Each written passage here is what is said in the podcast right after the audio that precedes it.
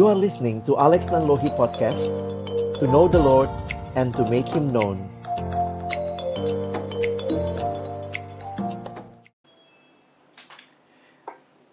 Baik, em, saya mulai lebih dulu. Nanti eh, Pak Dani yang selanjutnya begitu kali ya. Jadi saya mengajak kita untuk boleh sama-sama saya siapkan presentasi bisa eh, di enable. Ah, thank you Kenneth. Ya, kalau bicara pelayanan mahasiswa, bicara tentang pemuridan, saya mau melihatnya dalam apa yang firman Tuhan katakan lebih jauh ya. Nah, saya akan coba membagikan dengan singkat materi ini. Nanti kemudian eh, saya berharap teman-teman kita bisa tanya jawab begitu ya. Nanti eh, Sedani akan menolong juga dalam konteks em, di UPH seperti apa ya. Nah, teman-teman, kalau bicara tentang pemuridan, maka sebenarnya ini adalah satu istilah yang menarik untuk sama-sama kita pikirkan. Apalagi di tengah pelayanan mahasiswa yang saya pikir adalah perpanjangan tangan gereja untuk boleh menjangkau mahasiswa. Saya pikir sih sebenarnya kan kerinduannya adalah setiap orang yang adalah murid Kristus seperti yang um, Pak Curtis tadi katakan mengalami pertumbuhan terus di dalam Tuhan. Nah, realitanya dibanding di gereja yang cuma seminggu sekali, maka mahasiswa lebih banyak ada di kampus. Karena itu saya pikir teman-teman yang menjadi pengurus pelayanan mahasiswa di kampus harusnya bisa memahami this kind of opportunity. Ya, yang teman-teman dapatkan, privilege yang teman-teman dapatkan bisa bersama-sama dengan rekan-rekanmu di dalam pertumbuhan kepada Tuhan. Jadi pelayanan mahasiswa punya peluang yang sangat besar bagi saya karena ya em, kalau satu minggu satu kali ke gereja itu pun juga mungkin nggak lebih dari dua jam tapi mahasiswa ada di kampus jadi kalau kalian tadi menyediakan berbagai hal dengan berbagai program yang dipikirkan disiapkan saya pikir that is part of our responsibility as a body of Christ untuk em, equipping memperlengkapi para mahasiswa Nah, saya ingin mengajak kita melihat apa itu pemuridan. Ya. Waktu kita bicara apa itu pemuridan, dalam slide saya tuliskan begini ya bahwa um, the meaning of Christian. Mengapa ini jadi menarik, teman-teman? Sebelum kita bicara pemuridan, kalian bisa klik uh, slide saya kalau mau uh, dilihat ya. Teman-teman bisa memperhatikan bahwa yang namanya pemuridan dan Kristen ini dua istilah yang muncul di Alkitab. Ya. Nah, sekarang kita lihat dulu the meaning of Christian karena di dalam Alkitab kita sebenarnya dalam perjanjian baru sebenarnya hanya muncul tiga kali kata Kristen. Ya, hanya muncul tiga kali kata Kristen, kata murid Kristus. Ya, jadi memang jadi pertanyaan, lalu bedanya sama Kristen sama murid ini apa? Kristen muncul tiga kali, murid Kristus juga muncul berkali-kali. Nah, saya ingin memberikan tiga pemunculan dari kata Kristen yang ada di dalam Alkitab kita. Yang pertama itu muncul di kisah Rasul 11 ayat yang ke-26. Teman-teman nanti bisa perhatikan. Dituliskan di sini mereka, yaitu Paulus dan eh, Barnabas pada waktu itu di Antioquia. Mereka tinggal bersama-sama dengan jemaat itu satu tahun lamanya. Sambil mengajar banyak orang di Antioquia lah murid-murid itu untuk pertama kalinya disebut Kristen. Jadi ini pemunculan pertama kata Kristen di Alkitab kita. Perhatikan baik-baik, nampaknya ini adalah nama julukan yang diberikan kepada orang-orang yang hidupnya mirip Kristus. Karena perhatikan istilah yang muncul dikatakan pertama kalinya disebut, jadi bentuknya pasif. Bukan mereka menyebut diri mereka Kristen, tetapi mereka disebut Kristen. Jadi kelihatan benar ya, mereka sangat mirip sama Yesus begitu ya. Sampai akhirnya dibilang wah ini ini Kristen begitu ya, mirip Kristus. Saya pikir kalau kita di dalam bahasa Indonesia juga begitu ya. Orang yang uh, ya teman-teman kita lah ya, teman-teman yang di kampus binus, biasanya mereka disebut binusian. Wah. Orang yang mirip Kristus, Christian ya gitu ya. Kristen. Uh, dulu saya agak geli juga ya yang mirip Gus Dur pemahamannya seperti Gus Dur disebut Gus Durian begitu ya jadi orang-orang yang mirip ada kemiripan yang begitu rupa Dan ini bukan nama yang mereka pick for themselves. This is a apa ya nama yang diberikan memang e, nampaknya ini ejekan pada awalnya. Dan muncul lagi di kisah Rasul 26 ayat 28. Jawab Agripa, hampir-hampir saja kau yakinkan aku menjadi Kristen. Jadi waktu Paulus di hadapan Agripa dia sempat juga memberitakan tentang Kristus. Dan muncul lagi yang terakhir, karena memang cuma tiga kali pemunculan, di 1 Petrus 4 ayat 16.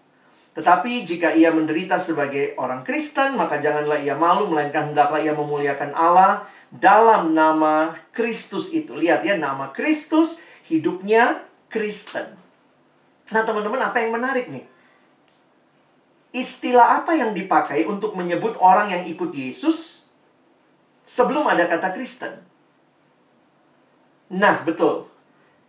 Kata murid merupakan sebutan yang umum dipakai di Alkitab, khususnya Perjanjian Baru, untuk menunjuk kepada para pengikut Yesus sebelum mereka disebut dengan istilah Kristen. Jadi, kalau kita coba hayati, kenapa saya mulai bagian ini dengan kita memahami dulu ya, apa sih pemuridan itu? Itu tidak terpisahkan sebenarnya dengan Kristen. Karena makin kita belajar, kita makin paham bahwa sebenarnya Kristen itu murid. Murid itu Kristen. Itu sesuatu yang melekat. Jadi murid-murid itu karena hidupnya makin mirip sama Kristus disebut Kristen. Makanya kalau kalian perhatikan tidak ada istilah Kristen di kitab Injil. Kalian tidak ketemu istilah Kristen di uh, surat Paulus. Tetapi banyak bagian-bagian lain menggunakan istilah murid. Jadi ini merupakan identitas ya sebagai murid Kristus. Jadi Kristen itu murid, murid itu Kristen. Memang sekarang tanpa kita sadari ya, kelihatannya pemuridan pun menjadi sesuatu yang hanya sekadar program. Jadi misalnya orang bilang, wih ini Kristen ya? Eh, mau ikut pemuridan nggak? Seolah-olah pemuridan adalah opsi, salah satu opsi. If you are a Christian, then do you want to join the discipleship program? Because we think the discipleship as only as a program sometimes kita jadi lupa bahwa sebenarnya ini identitas kita. Menjadi Kristen ya jadi murid, jadi murid ya jadi Kristen. Makanya uh, kalimat dari Dietrich Bonhoeffer dia mengatakan Christianity without discipleship is always Christianity without Christ. Karena seharusnya fokus dan dasarnya adalah menjadi murid. Dan karena itulah kita bisa melihat ini Kristen. Kristen itu ketika ada orang yang sungguh-sungguh menjadi orang yang mengikuti Kristus. Nah, teman-teman, mari pahami konsep dasar ini. Karena ini bukan cuma konsep dasar di satu tahun kepengurusan, ini konsep hidup sebagai umat Allah. Jadi kita dipanggil untuk jadi murid. Nah, makanya semua proses dalam rangka menjadi murid itu, ini yang disebut sebagai proses pemuridan. Jadi menarik kalau kita kaitkan pelayanan mahasiswa hadir sebagai perpanjangan tangan gereja untuk melayani mahasiswa yang notabene waktunya banyak habis di kampus dan kita yang ada di kampus yang melayani mahasiswa ini apa sih yang menjadi sesuatu yang kita tawarkan? Saya pikir harusnya sama dengan gereja adalah menjadikan setiap orang-orang ini sebagai murid Kristus. Nah, bisa ditangkap idenya?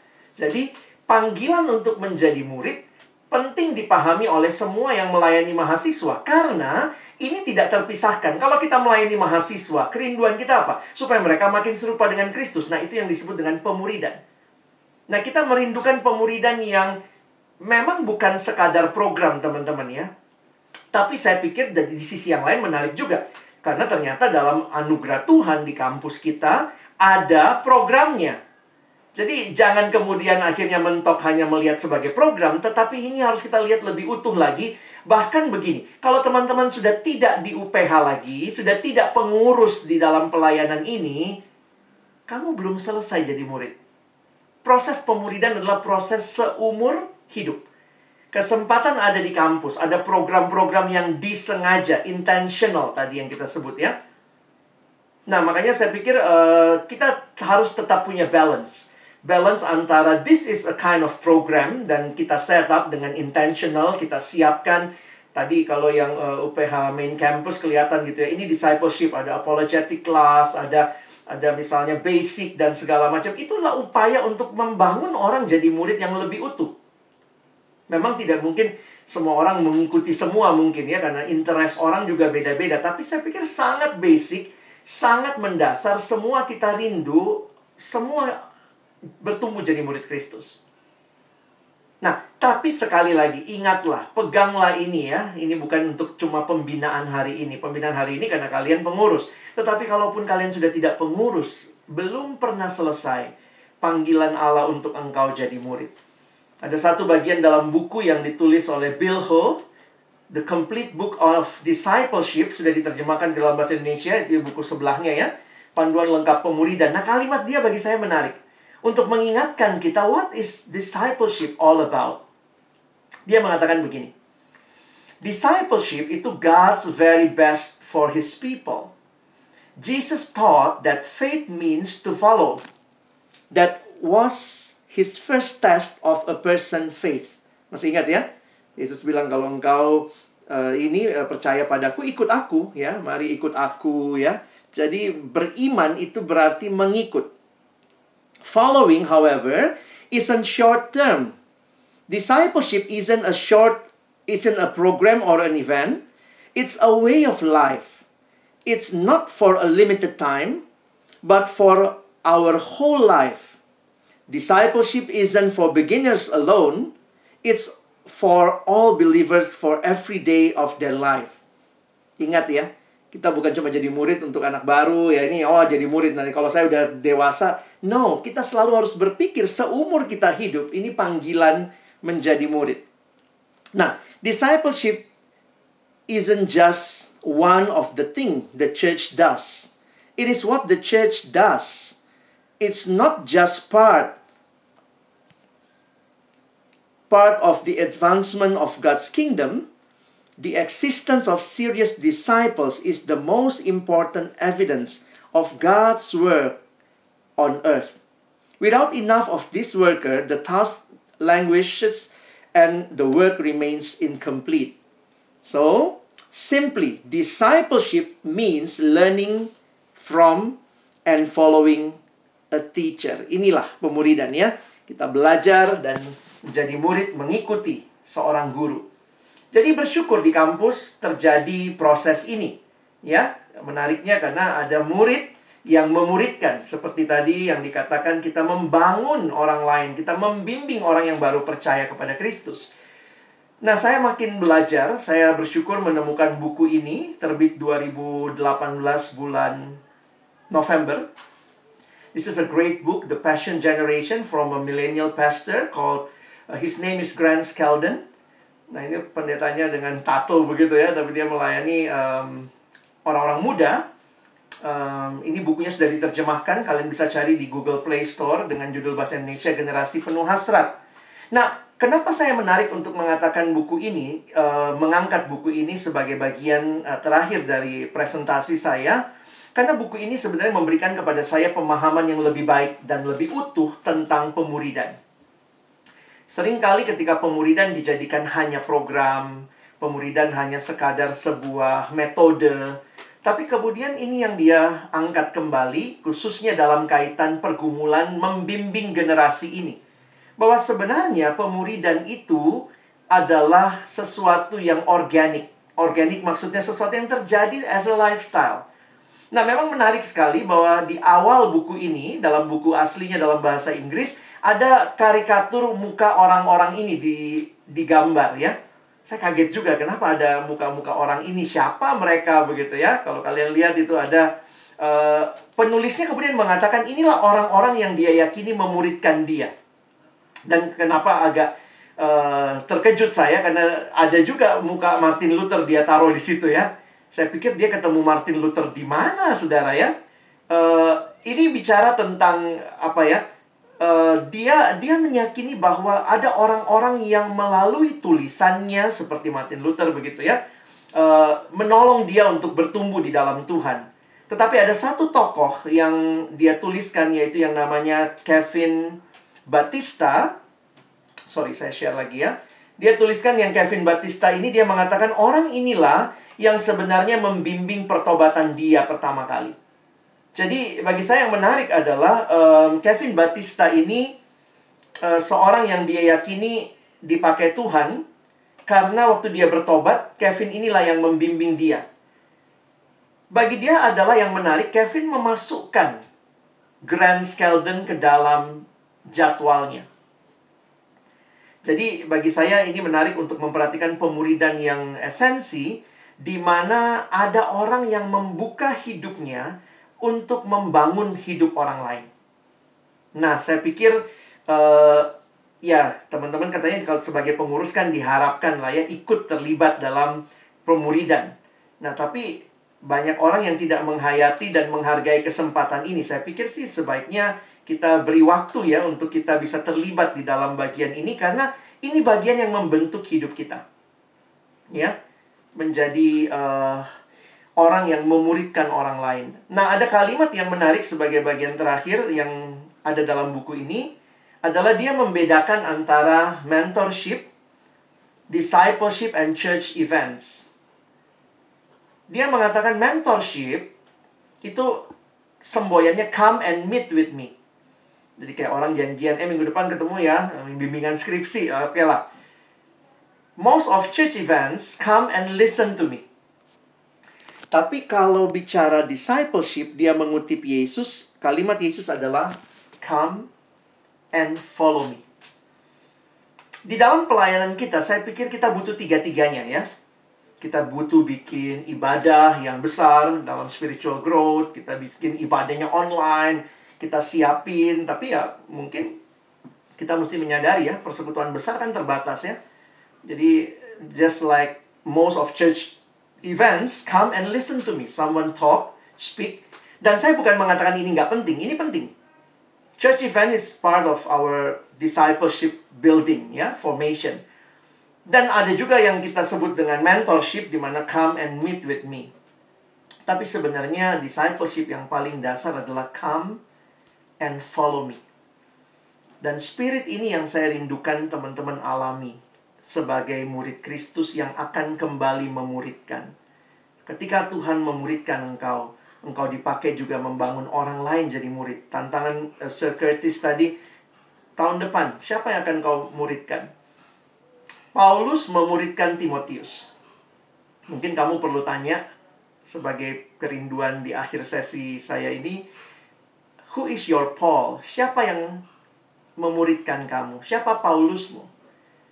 Tapi kemudian kamu juga harus bergerak lebih jauh, bertanya, "Who is my Timothy?"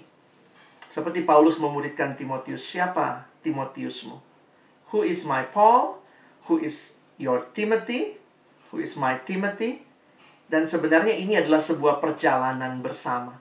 Makin saya menikmati, membimbing orang, sebenarnya bukan cuma orang itu yang mendapat berkat ketika dia dimuridkan, tetapi saya yang juga sedang sedang berjalan bersama dia. Kita belum belum ada yang sampai kesempurnaan kepada Kristus. Kita sedang berjalan bersama-sama. Dan this is a part of um, privilege yang Tuhan kasih ketika teman-teman ada di kampus berjalan bersama di dalam pemuridan. Nah, kiranya sesi singkat ini membukakan pemikiran kita untuk melihat bagaimana kita bisa dipakai Tuhan untuk generasi ini Pertama-tama bangun hidupmu terus jadi murid. Biarlah engkau terlibat, manfaatkan kesempatan-kesempatan pemuridan. Ada kelompok-kelompok yang dibentuk untuk support kamu. Tapi juga terus punya kerinduan outreach untuk membangun hidup orang juga. Dan berjalan bersama. We are on a journey together following Jesus Christ. Amin. Untuk Alex ya. Uh, Kenneth, saya langsung masuk atau gimana Kenneth? Ya, ya langsung aja Pak Dan. Langsung aja ya. Oke, terima kasih. Nah sebenarnya uh, uh, sama Kak Alex ini kami dari saya saya waktu jadi mahasiswa pun ya, Kak Alex lah yang sebenarnya memberikan uh, pandangan. Waktu itu saya ingat kali waktu acara pertemuan mahasiswa uh, kami cerita Eh, tentang kondisi kampus, bagaimana berhadapan dengan administrasi kampus dan persoalan-persoalan di dalam kampus, dengan pelayanan mahasiswa. Dulu saya pelayanan mahasiswa di kampus saya.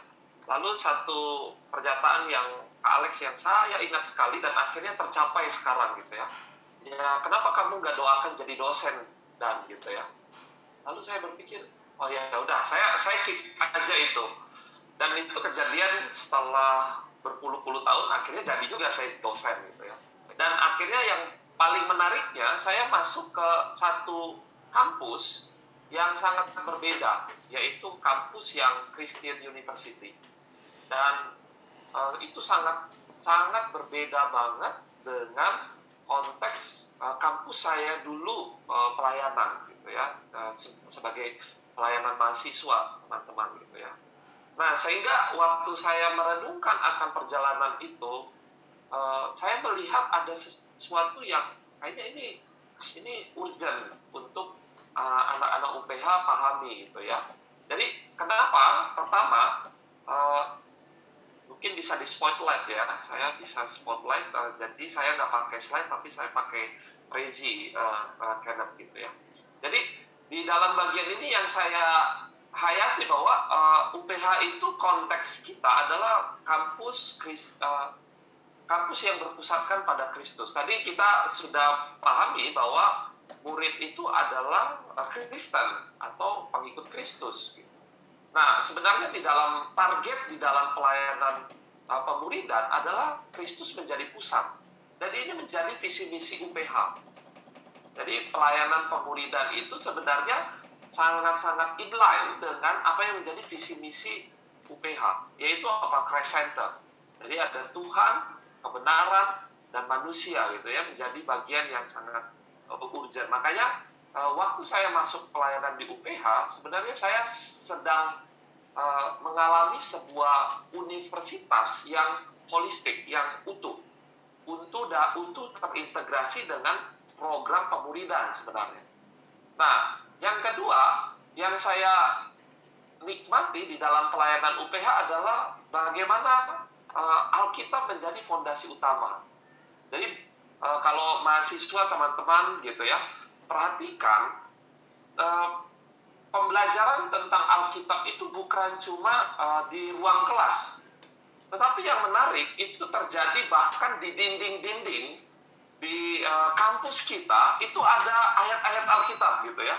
Jadi memang secara simbol, secara apa ya uh, penerapan uh, ayat-ayat Alkitab itu menjadi sesuatu yang ada di dalam uh, kehidupan di UPH.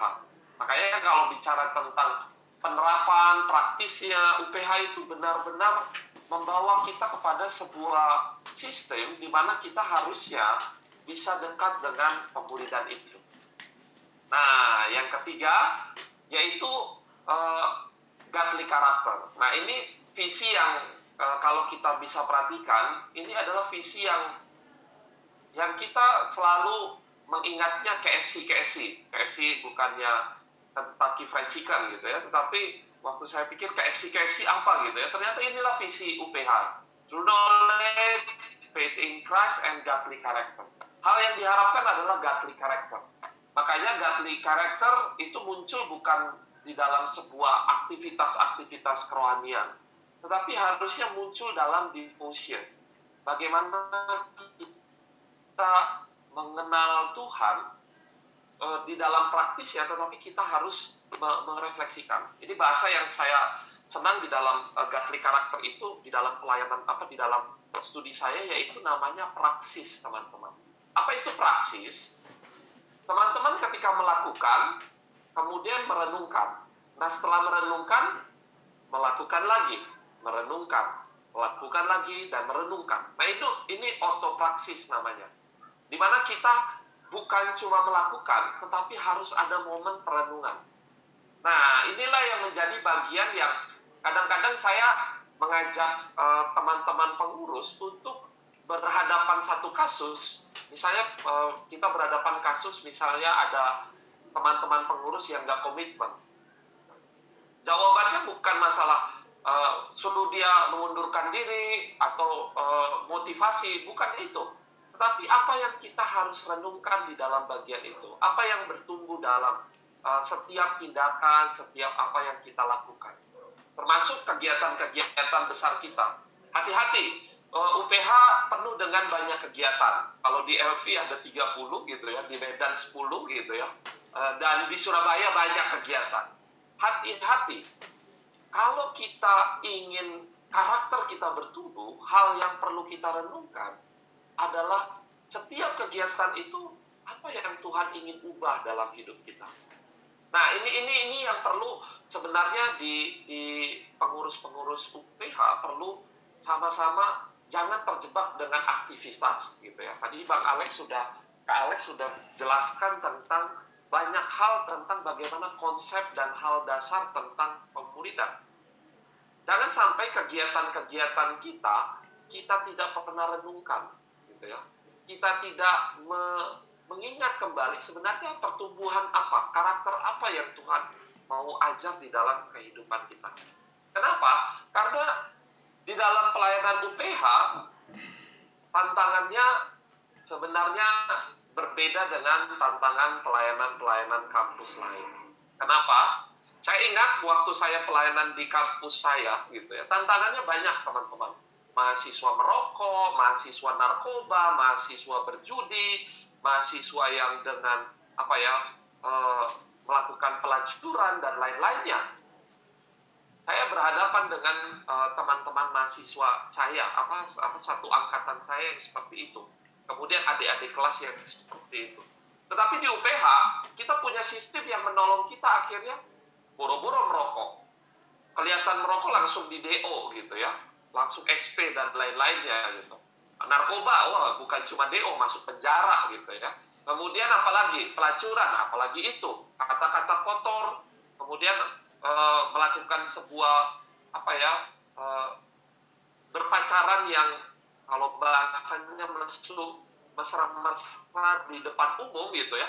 Wah itu langsung kena itu di di UPH gitu ya.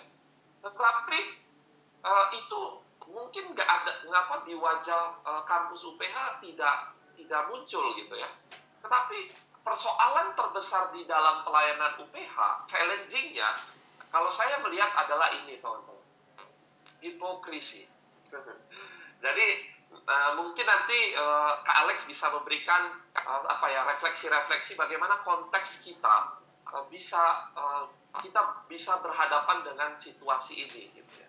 Apa itu hipokrisi? Sesuatu yang kepura-puraan yang kita miliki topeng yang sebenarnya oh tampil baik ternyata di dalam kehidupan di belakangnya ya sebenarnya amburadul gitu ya kehidupannya sebenarnya tidak menunjukkan realitas sesungguhnya. Nah ini ini tantangan terbesar.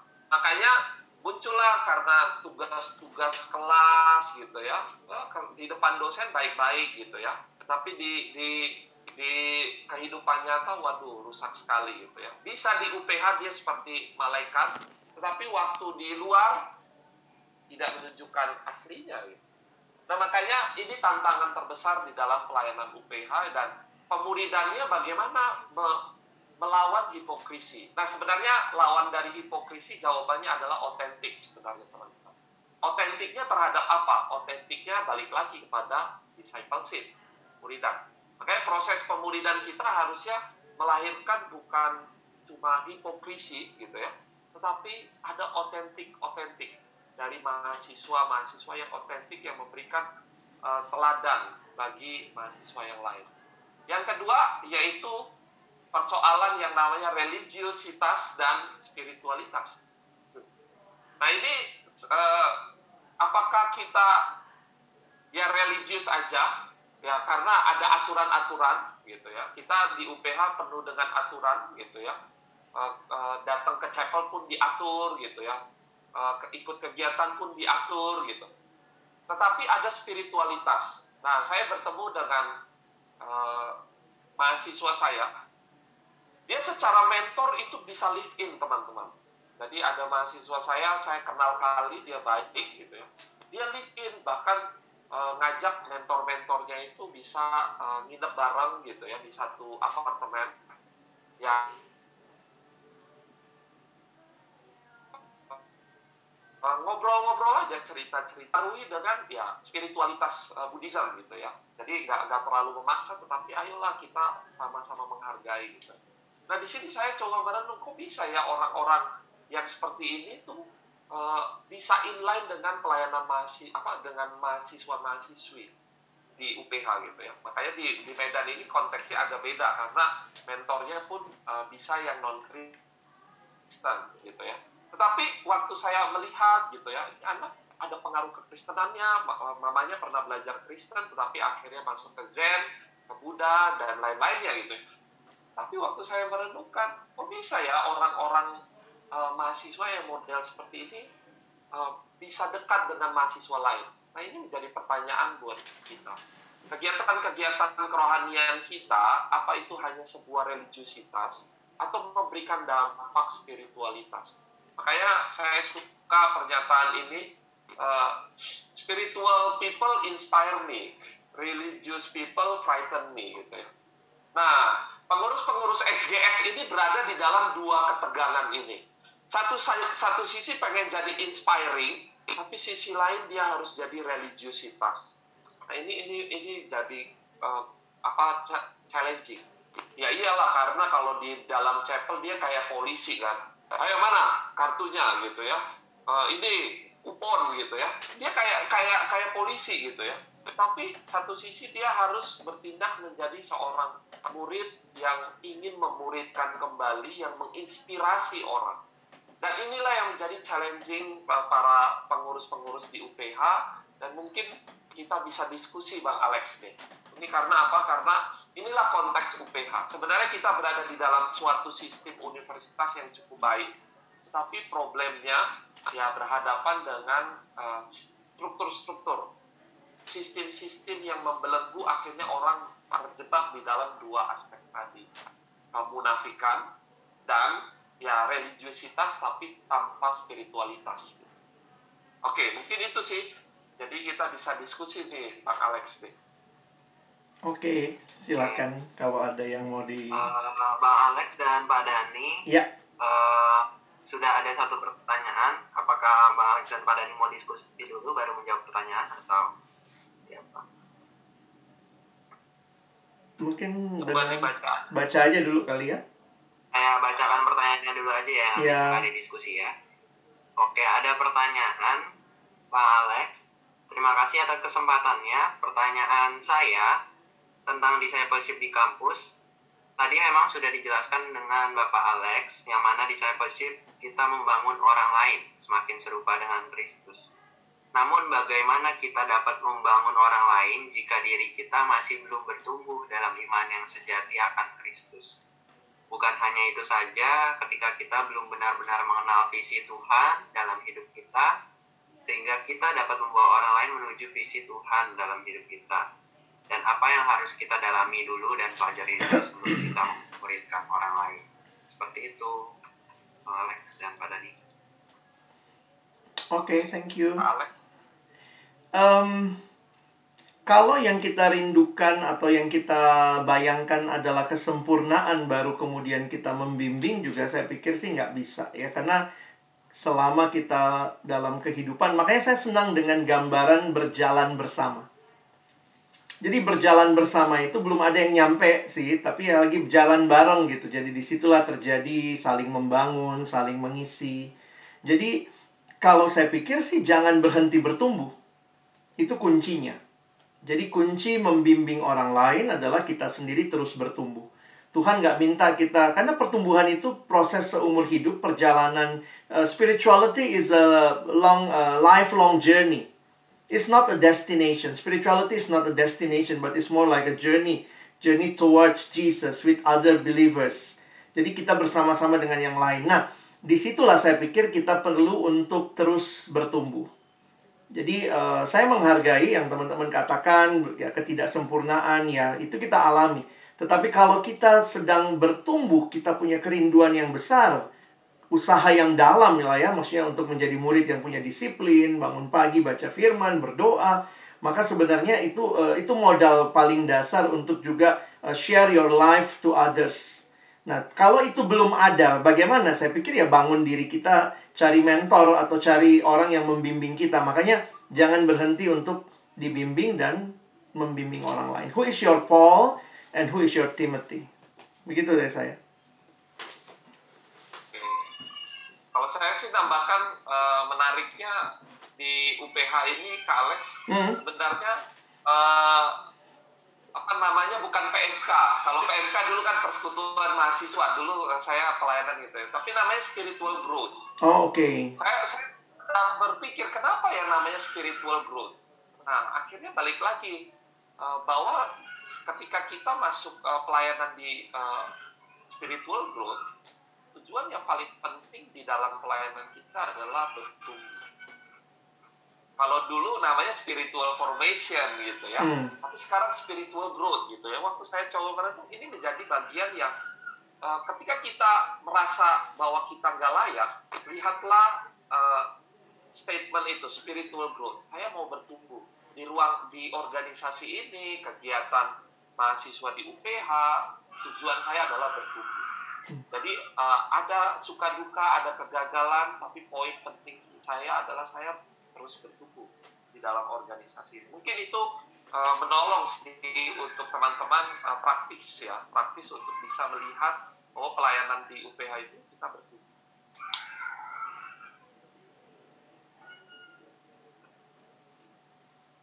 Oke, iya. Terima kasih Pak Dani dan Bang Alex. Apakah teman-teman ada pertanyaan lagi? Bisa dikirimkan melalui private chat ataupun secara publik atau bisa raise hand langsung unmute. Ada teman-teman? Sembari menunggu pertanyaan. Tadi bang Alex dan Pak Dani bisa diskusi dulu kali ya. Oke. Okay. uh, ya tenang sih uh, bisa uh, diskusi. Karena itu ya Kak Alex kalau di di UPH itu ya tantangan tadi yang dua itu. Nah kira-kira kalau Kak Alex melihatnya gimana? Sebenarnya pelayanan pelayanan hmm. seperti ini. Tapi bagaimana pelayanan kampus bisa uh, tetap melihat discipleship ini menjadi poin penting sih kak? Iya. Kata kuncinya mungkin adalah proses ya. Jadi karena kata kuncinya proses berjalan bersama saya pikir hati-hati. Kemunafikan itu uh, hipokrisi itu muncul ketika orang merasa dia sudah mencapai saya udah rohani nih. Atau kalau saya ikutin this set of rules uh, saya lebih baik dari orang lain. Jadi karena perasaan udah nyampe I am better than others gitu itu itu gampang banget membuat kita jatuh ke dalam uh, kemunafikan. Nah untuk menjaga itu ya saya pikir sih ya Tuhan kasihkan tiga hal ya. Selalu kita ingat Tuhan kasih Roh Kudus yang mengingatkan kita. Tentu kalau kita sungguh-sungguh anak Tuhan, ada roh kudus dalam diri kita. Kalau kita mulai munafik tuh pasti ada yang ngingetin tuh di hati kita nggak tenang. Eh, lu jangan ngomong. Kau aja masih begitu. Paling nggak ada ada suara hati yang akan ya bersaksi lah ya untuk untuk menegaskan bagaimana seharusnya kita hidup begitu.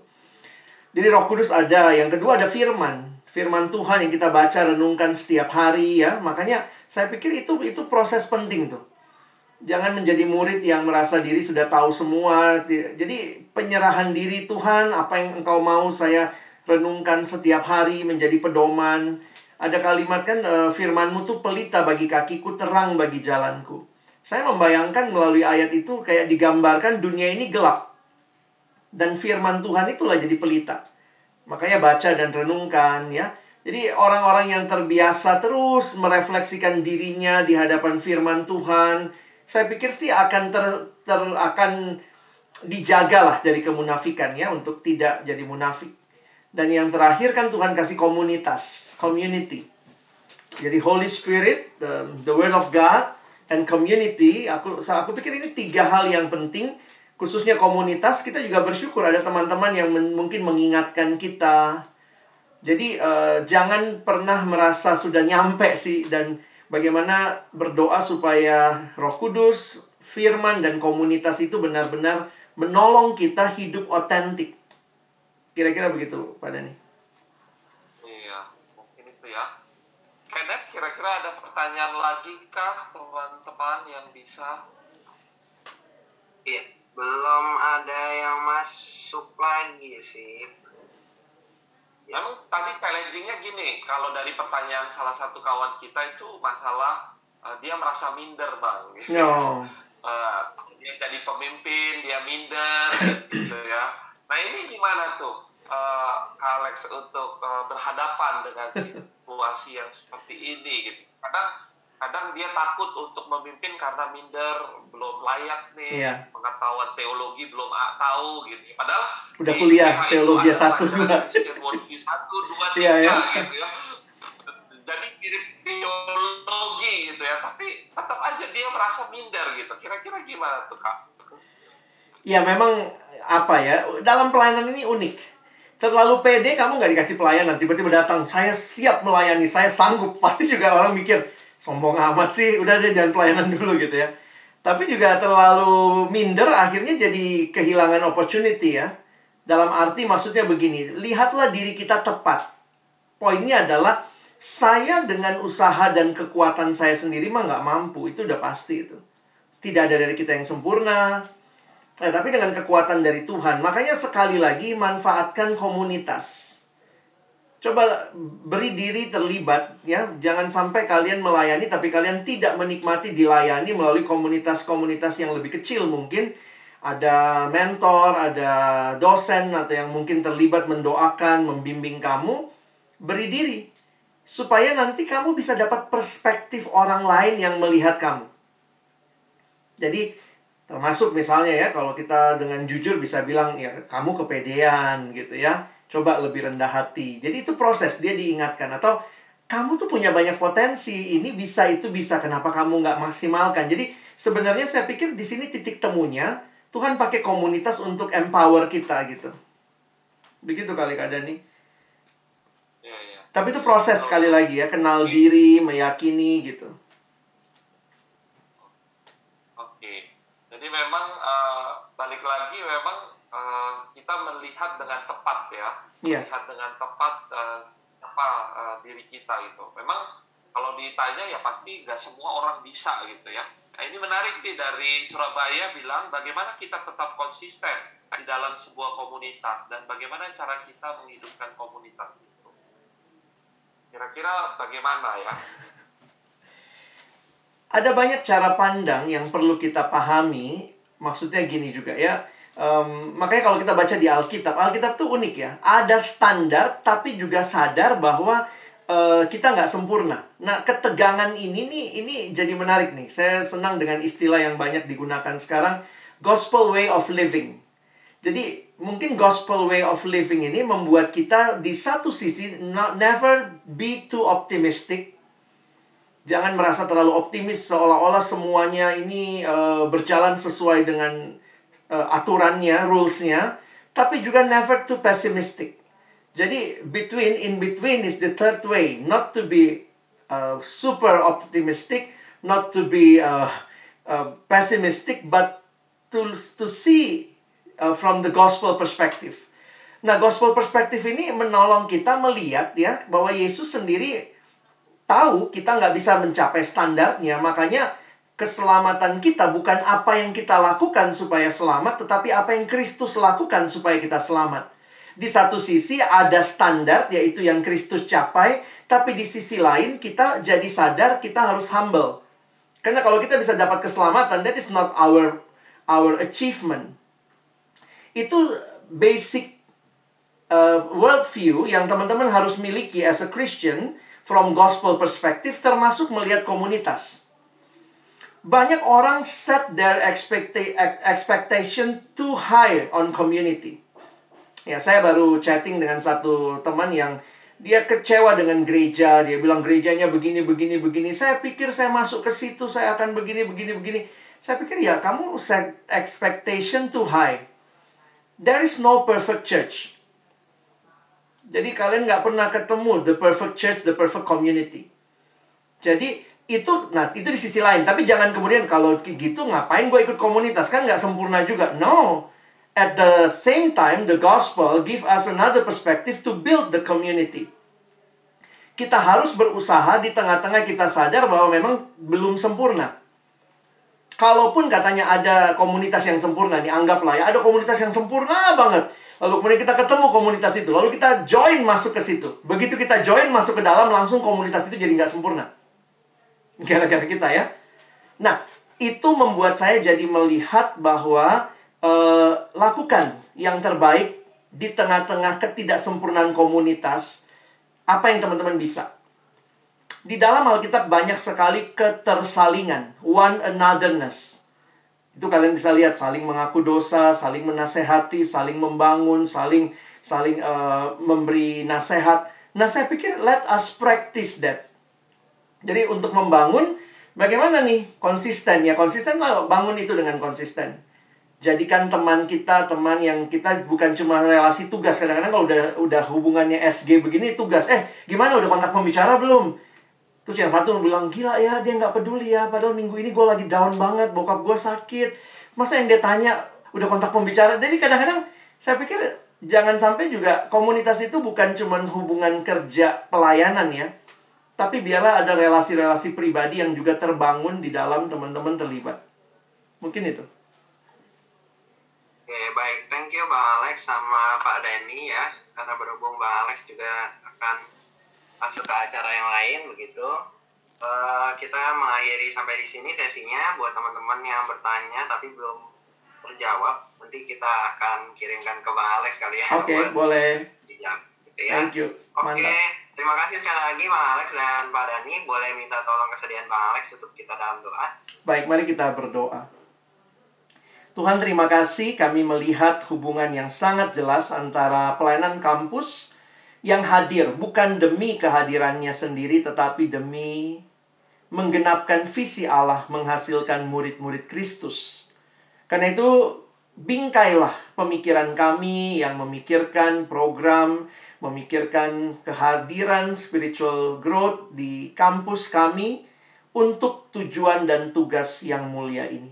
Sekali lagi kami bersyukur kesempatan ini kami boleh berdiskusi dan mungkin masih ada pertanyaan yang belum terjawab, tapi kiranya waktu ke depan kami makin mantap mengerti apa yang menjadi tujuan dari pelayanan kami.